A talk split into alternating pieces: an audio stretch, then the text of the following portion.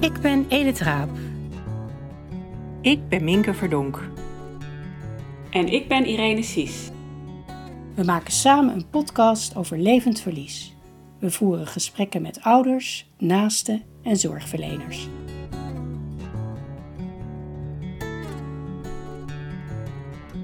Ik ben Edith. Ik geef les als docent ouderbegeleiding aan de Hogeschool Utrecht. En ik doe promotieonderzoek naar levend verlies. Ik ben Minke. Ik ben moeder van een zoon met een lichamelijke beperking en ouderbegeleider. En ik ben Irene. Onder de naam Gewoon Irene blog ik over de alledaagse dingen in mijn leven als moeder van vier kinderen. Levend verlies. Steeds terugkerende gevoelens van verlies, verdriet en rouw van ouders met een kind met een beperking of chronische aandoening.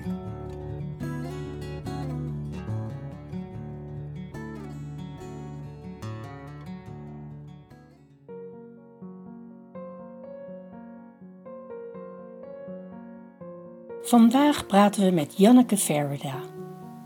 Janneke is klinisch psycholoog en gespecialiseerd in traumabehandeling. We ontmoeten haar in haar therapieruimte in het centrum van Amsterdam.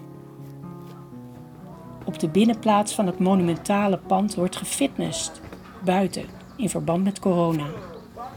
Het is nooit stil in Amsterdam.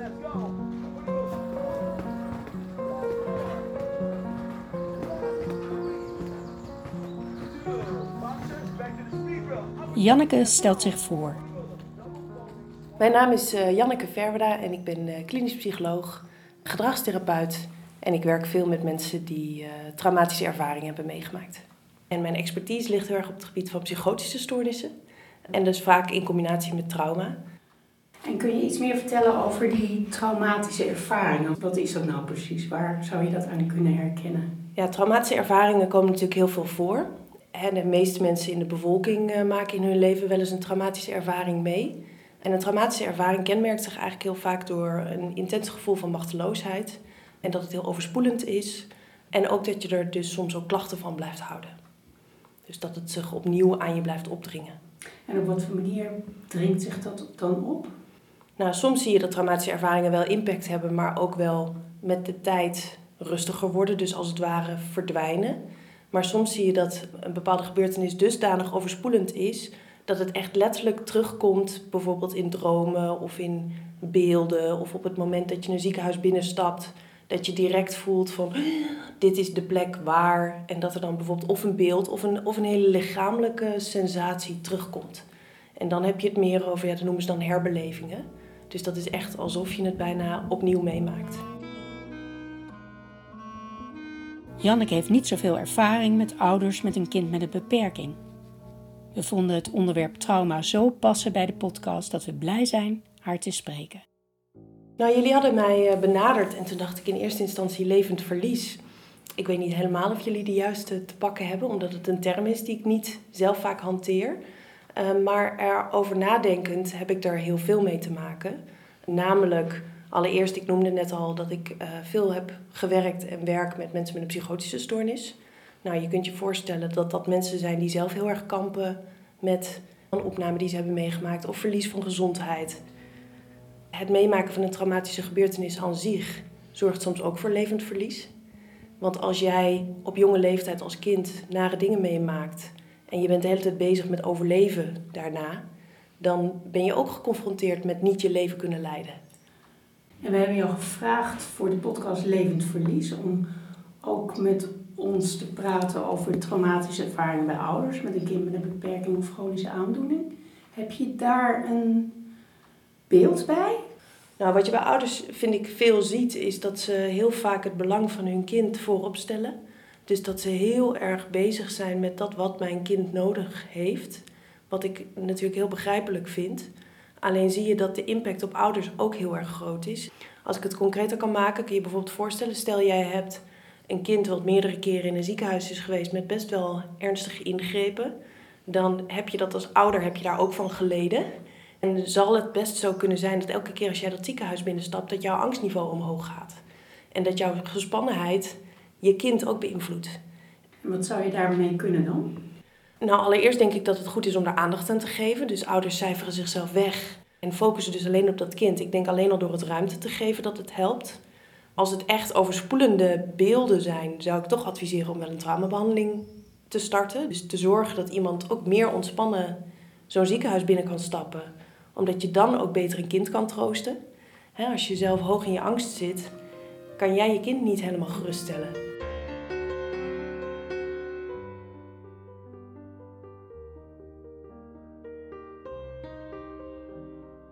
Janneke vertelt over de traumabehandeling EMDR. Wat is EMDR precies? EMDR is een ehm, best een bijzondere therapie die de laatste jaren heel veel wordt toegepast. Waarbij je eigenlijk herinneringen die met heel veel lading zijn opgeslagen in het brein, dus de meeste herinneringen die verwerken op een gegeven moment, maar herinneringen die heel sensorisch zijn opgeslagen, dus waarbij je eigenlijk echt ziet en hoort en voelt wat je toen hebt meegemaakt, die kun je verwerken met EMDR. En EMDR staat voor Eye Movement Desensitization and Reprocessing. En dat komt, de eye is omdat je het met oogbewegingen doet. Dus iemand moet zich een naar beeld, eigenlijk het allernaarste plaatje, voor de geest halen. En dan ga je iemand heel erg afleiden met oogbewegingen. En die afleiding die zorgt ervoor dat de spanning zakt. En heel vaak ook gedachten, want het zijn niet alleen een plaatje wat naar is, maar ook heel vaak de gedachten over de situatie. Dus het is mijn schuld of ik ben machteloos. Dus je probeert de spanning te laten zakken, maar ook die gedachten uh, aan te pakken. Maar je gaat er dus naar terug. Ja, dus dat, dat is voor ouders soms spannend. Die zeggen, ja, maar ik wil er helemaal niet meer terug. Nee. Maar ja, je doet het omdat je er nu toch al steeds naar terug gaat. Want het dringt zich aan je op. En uit hoeveel sessies, kan je daar iets over vertellen? Nou, het is best een relatief korte therapie.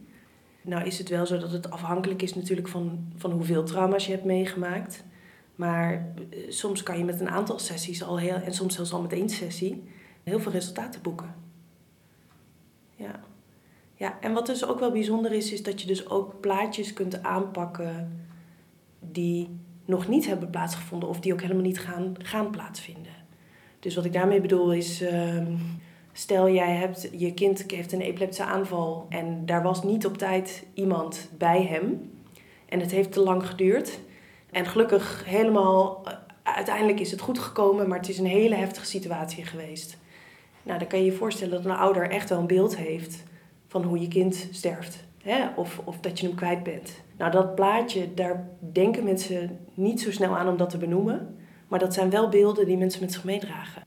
En soms gaat het om hele heftige schuldgevoelens. Dus als jij net toevallig stond eh, te kletsen met een vriendin en op dat moment gebeurt er iets met je kind. Nou, dat is soms net zo naar als het moment dat er wat met je kind gebeurt. En dat zit dus heel veel schuldgevoel zit er vaak op. Want schuldgevoel loopt ook meestal als een rode draad door heel veel van dit soort verhalen heen. En op het moment dat je teruggaat naar zo'n moment, dan gaan mensen ook over dat schuldgevoel praten? Of hoe, hoe ik dat Ja, de verwerking brengt dat eigenlijk op gang. Het is geen praattherapie, het is echt zo scherp mogelijk afstellen op dat allernaarste plaatje. Dat beeld is je vertrekpunt en van daaruit kan en mag alles opkomen. Maar doordat je iemand afleidt, gaat als het ware die verwerking vanzelf lopen. Dus mensen gaan wel zelf ineens dingen zeggen als: Ja, maar ja, dat was natuurlijk niet mijn schuld. Of ja, ik, ik, ik kon daar ook niks aan doen. Of, dus iemand gaat heel vaak uit zichzelf van die uh, goede dingen zeggen. Terwijl als ik tegen iemand zeg van tevoren: Ja, maar dat is niet jouw schuld. Zegt iemand: Ja, dat weet ik wel, maar ik voel het niet zo. Als je zegt nare dingen die ze hebben gezien, dan is dat ook vaak omdat een trauma uh, achter de rug is. Ja. En, maar je hebt natuurlijk in, in, waar wij het over hebben ook ouders waarbij het, ja, hoe naar ook, ze weten dat het terug blijft komen met bijvoorbeeld een ernstige epileptische aanval. Dus kan je daar nog iets over vertellen, hoe je bijna vooraf je kunt wapenen? Nou ja, ik heb zelf toevallig uh, meerdere vrouwen begeleid die op het punt stonden te gaan bevallen. Soms hadden ze nog niks meegemaakt en was het van tevoren dat ze daar angstig van waren. Maar soms hadden ze zelf iets meegemaakt wat spannend was. Mhm. Waardoor ze met heel veel paniek die volgende bevalling weer ingingen. Um, en wat je dan kan doen is allereerst kijken van wat maakte die vorige ervaringen zo naar. Mhm. En heel vaak is dat niet per se de pijn, of, uh, maar het gaat heel vaak over een gevoel van machteloosheid wat mensen ervaren. Dus dat ze op dat moment niet weten wat er gebeurt, niet op de hoogte worden gesteld of niet het idee hebben dat ze serieus genomen worden. En daar kan je, hè, dus tegenwoordig werken ze veel meer met geboorteplannen. Dus dat mensen heel goed kunnen nadenken van oké, ik vind het wel fijn als die me helpt. Ik vind het niet prettig als die te dicht op me staat. Dit moet je wel doen, dit moet je niet doen. Ik vermoed dat dat hier eh, een beetje hetzelfde kan. Dat je een aantal dingen kan je niet controleren, maar een aantal dingen kan je van tevoren wel over nadenken. En dat geeft ouders soms wel weer wat meer controle terug. En ik denk dat het ervaren van controle wel heel vaak belangrijk is.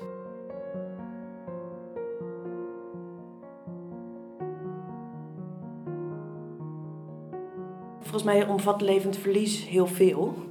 het is een combinatie van het verdriet over dat de toekomst anders loopt en dat het, dus de rouw is denk ik één ding. Maar daarin vervlochten er zit een heel stuk met van die traumatische ervaringen. En ik denk dat dat heel erg hierover gaat. Dus hoe zorg je dat in een soms machteloosmakende situatie, waarin je de uitkomst niet volledig kan controleren, dat mensen toch het idee hebben, ook als het spannend wordt, ik kan het aan. En daar leent bijvoorbeeld EMDR zich wel heel erg voor. Want soms heb, doe je ook onbedoeld, kun je jezelf ook hertraumatiseren. Als jij bijna er al van uitgaat van nou, die doktoren die, die luisteren helemaal niet naar wat ik nodig heb. Het heeft helemaal geen zin als ik mijn grens aangeef. Ze gaan er toch elke keer overheen. Um, dan roep jij toch iets anders op, waardoor helaas soms datgene wat je vreest ook gebeurt. Terwijl als je daar vanuit een soort rust met elkaar kan zitten en voelt van nou, ik heb gewoon de touwtjes in handen, dan zie je dat dat vaker bij te sturen is dan, dan gedacht wordt vooraf.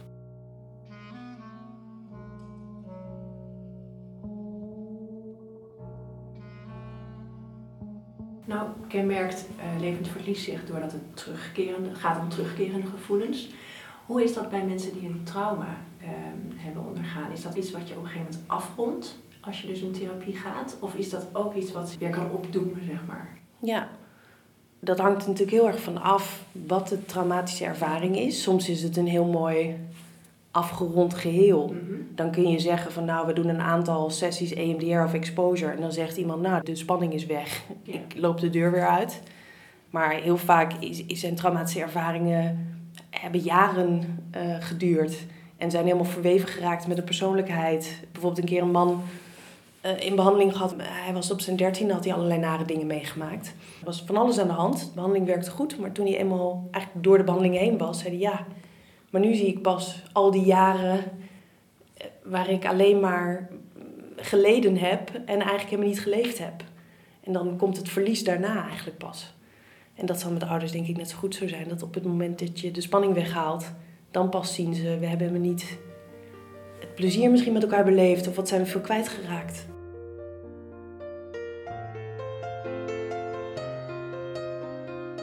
Je verliest natuurlijk heel veel. Hè? Je verliest allereerst het perspectief wat je van tevoren had. Dus het gaat om het daadwerkelijke verlies van functioneren. Het gaat over het verlies van dat wat je samen aan mooie dingen had misschien kunnen meemaken doordat je in een ziekenhuis zit in plaats van in de speeltuin. Het is natuurlijk verlies op heel veel fronten, die jaren die voorbij gaan. Maar ik kan me voorstellen dat het heel veel behelst. En er zijn ook wel ouders die zeggen van nou, er is ook winst ja. Hoor je dat ook terug van mensen met een, een trauma? Dat ze zeggen van er is, is er ook winst aan trauma? Jazeker, hè? dat sadder but wiser uh, geloof ik wel in. Post-traumatic growth of zo is ook zo'n term. Hè? Dus dat, uh, maar ook bij mensen die bijvoorbeeld een psychose hebben meegemaakt, dan verlies je ook daadwerkelijk je gezondheid. Maar dan zie je wel dat mensen daarna hun leven soms op een andere manier zin kunnen geven. Uh, dus je kunt denk ik wel degelijk uit hele ingewikkelde omstandigheden ook juist contact maken met eigenschappen van jezelf die, die wat leren over wie je bent of zo.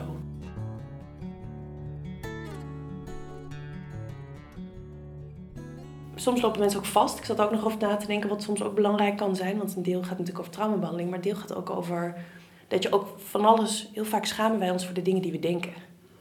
Ik heb, ik heb een heel ander voorbeeld, maar een meneer in, in behandeling waarbij zijn vrouw mogelijk een uh, lichamelijke ziekte heeft. Dat onderzoek loopt nog. Dat hij zei, ik dacht echt iets verschrikkelijks. Ik ben te laat bij de weg gegaan. Dus hij voelde zich ook nog eens heel, eh, heel slecht iemand dat hij dat dacht. Dus ik denk dat het eigenlijk heel reëel is dat dat soort gedachten ook opkomen. En dat zou bij ouders ook. Misschien, god, hadden we het bij, bij twee gelaten. Of, eh, Ja. En dat je je vervolgens daar heel bezwaard over voelt dat je die dingen denkt. Terwijl ik denk dat het ook belangrijk is dat gedachten er ook mogen zijn. Of zo. Dat ze je niet per se tot een slecht mens maken. Dus dat zou misschien ook al heel helpend kunnen zijn. Om je gewoon te realiseren dat gedachten er zijn. Gedachten komen op. Gedachten zeggen niet per se iets over jou als mens. En dat geeft mensen misschien ook alweer wat ruimte. Ja, want wat zeg je tegen mensen als ze... Wat zeg je tegen zo'n man die zulke gedachten heeft? Nou, we hebben er ook om gelachen. Waarmee je het eigenlijk ook normaliseert. Dus, dus, hè, want het is volgens mij heel normaal. Eh, dus we hebben erom gelachen en het daarmee onschadelijk gemaakt, denk ik. De basis van cognitieve gedragstherapie is dat gedachten niet per se voorspellend zijn voor eh, wie je bent. Wij zijn niet onze gedachten eigenlijk. En ik denk dat je, als je met ouders, als je gewoon, zou ik denk ik hele echt voorbeelden geven die ze zelf niet zouden durven uitspreken. Ja. Dus inderdaad, van had ik, eh, hadden we die derde maar niet genomen? Of was het toen maar misgegaan? Of, hè, in de hoop dat iemand zich misschien ergens denkt... oh, ik dacht dat het echt iets heel slechts was van mij. Kijk, iedereen, iedereen kent eh, dat als je op een dak staat... dat je wel eens de gedachte hebt... hoe zou het zijn om te springen? Hè, die heeft volgens mij ook mens.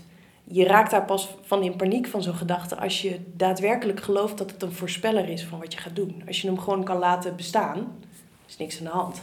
Als jij in de supermarkt iemand die echt vreselijk treuzelt en echt tergend langzaam eh, zijn geld zo voor je neerlegt, dat je daar visioenen hebt over een duwtje, die hebben denk ik ook allemaal wel eens. Dat, maar dat is iets anders dan dat je, wij- zijn als het goed is in staat om dat gewoon tot een gedachte te laten zijn en niet te denken, eh, sluit mij maar op, want ik, eh, ik heb mezelf niet in de hand. Ja. En toch ligt het heel gevoelig bij ouders, hè, natuurlijk. Omdat je Ja. dat eigenlijk helemaal niet over je kind, waar je zo van houdt ook tegelijkertijd, Ja. mag denken. Ja, ja. Het ligt gevoeliger, alleen het is Ja. wel hetzelfde principe. Dat hoe meer je probeert een gedachte te controleren, hoe meer macht je hem eigenlijk als het ware geeft. Terwijl als je je gewoon realiseert dat iedereen in zo'n situatie die gedachten zal hebben, maar dat waar het om gaat, is dat je ook liefde voelt voor je kind, maar dat het ook om die gespletenheid gaat.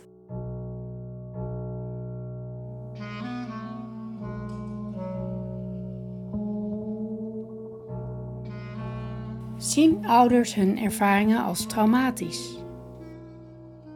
Ik denk dat er een enorme drempel is naar het woord trauma voor ouders. Dat ze het zo niet zien als dat, dat, dat, dat wat ze mee hebben gemaakt in een ziekenhuis of bij de geboorte of later bij het horen van een diagnose of noem maar op. Ik dacht dan vroeger ook vooral, nou dat is een verkrachting of een brand of een, een losstaand, eenmalig ehm, gebeurtenis Ja. die, die eh, enorm heftig is. Mhm. Maar zo wordt trauma niet allemaal omschreven, toch? Nee.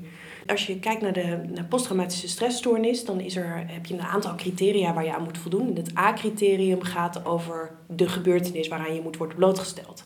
En dan dachten we inderdaad altijd dat het geweld of seksueel geweld of wat dan ook moest zijn. Maar er zijn heel veel ervaringen die als traumatisch kunnen worden beleefd. Dat, dat van alles kan traumatisch zijn. Het, het gescheiden zijn van je kind of... eh, ja, wat ik zei, de beelden of, of, of, of zijn angst, of, of misschien je eigen angst, dat je zelf net niet gereageerd hebt zoals je, hè, we willen allemaal graag goede ouders zijn, maar dat zijn we ook niet altijd. Of kunnen we niet, zijn we goede ouders, maar we kunnen misschien niet reageren zoals we willen. Dat kan allemaal, denk ik. Ik denk dat, dat het vooral gaat om welke lijdensdruk ervaar je ervan. Dus staat het volledig los. Ik heb ooit bij iemand een hele intake met de meest verschrikkelijke verhalen. En wat was hetgene wat haar in het leven het meest had geraakt? was het overlijden van haar hond. Vond ik zelf heel indrukwekkend, maar ook heel herkenbaar. Als dierenliefhebber. Maar meer dat je denkt, ja, je kunt helemaal niet soms aangeven wat mensen als het meest traumatische ervaren. En dat kan soms iets zijn wat je niet bedenkt. Dus het meemaken van trauma is puur de gebeurtenis. Nou, dat kan voor iedereen anders beleefd worden. Maar als jij daar nachtmerries, herbelevingen, schuldgevoelens, prikkelbaarheid, wat dan ook, dan doet het er soms niet toe of die gebeurtenis nou wel of niet precies. En dat, ja, het gaat om de beleving, het gaat om de klachten uiteindelijk.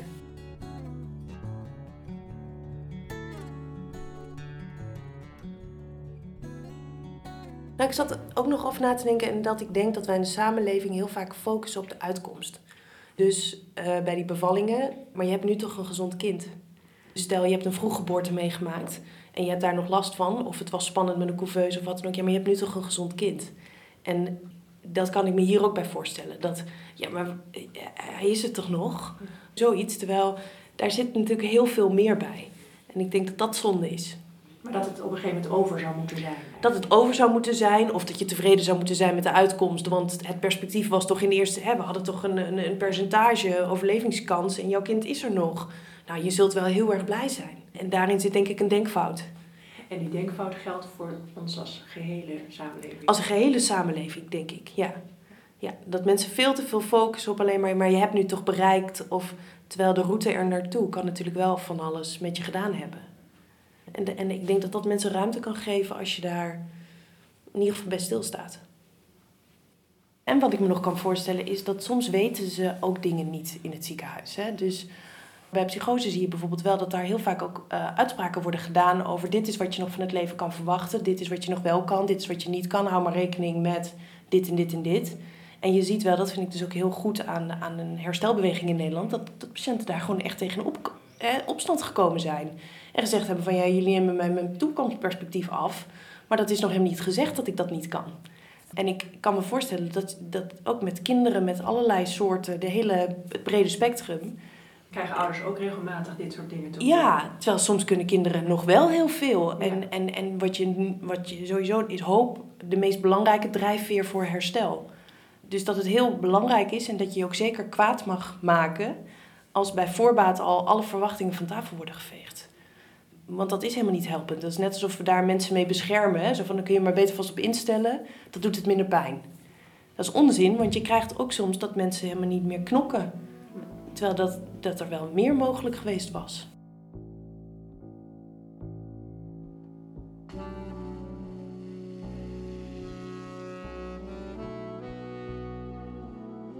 Wat zouden collega's moeten weten over levend verlies? Nou, ik denk dat het allereerst al een hele mooie oefening zou zijn voor collega's om erover na te denken in welke mate je het allemaal tegenkomt. Dat dus alleen al door het begrip dus levender te maken voor jezelf. Dat is mooi, uh, deze, levend verlies levendiger in je, in je geest. Ja, en dat je dus ook breed in het systeem moet kijken naar alle spelers. Hè, en, en in welke mate dingen invloed hebben. En ook kijken hoe je elkaar daarin kan ondersteunen. Dus een, een holistische kijk, denk ik, op een heel systeem.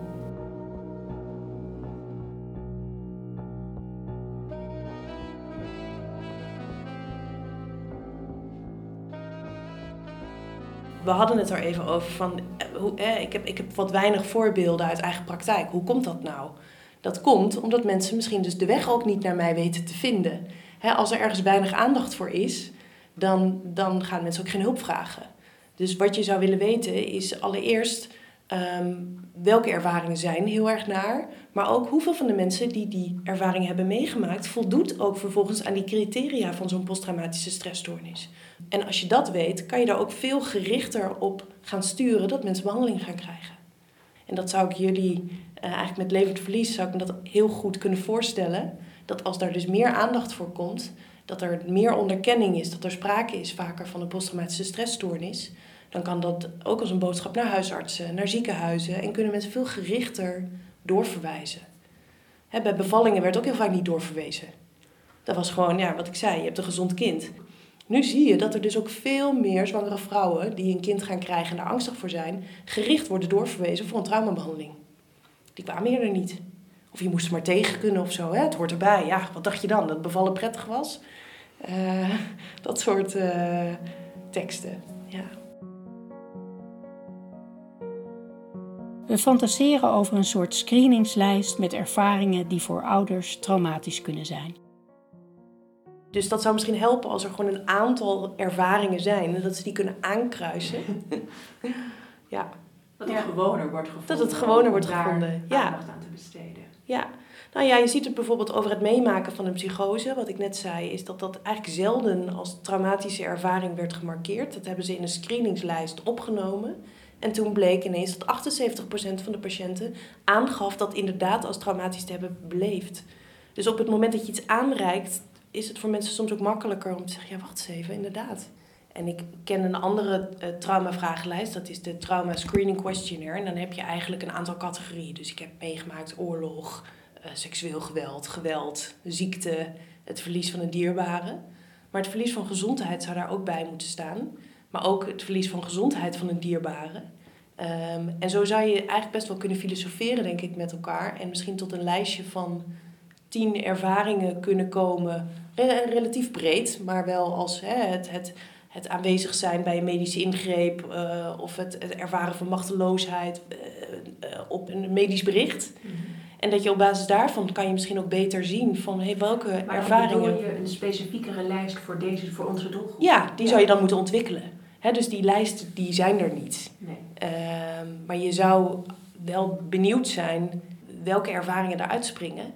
Uh, omdat je dan ook beter kan nadenken over wat, wat kan je dan vervolgens ook bieden aan mensen. Hey, en heb je nog nagedacht over het tegeltje? Nou, ik, ik zat meer te denken in de hoek van stel als ouder zou ik zelf denken iets als... Denk niet dat je weet hoe het voor me is, maar vraag me hoe het voor me is. Vul het niet in.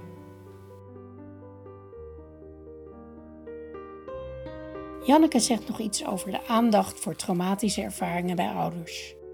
De focus ligt natuurlijk zo vaak op het kind dat op het moment dat je daar aandacht aan schenkt, kan ik me wel voorstellen dat mensen sneller hulp vragen. Dus ik denk wel, dit is misschien een beginnetje, dat ouders leren om ook zichzelf weer wat meer op de kaart te zetten.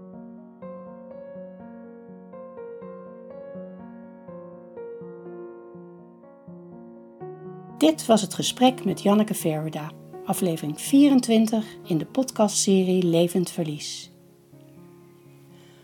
Volgende maand spreken we met Corinna, moeder van een zoon van 15 met ADHD en stevige gedragsproblemen.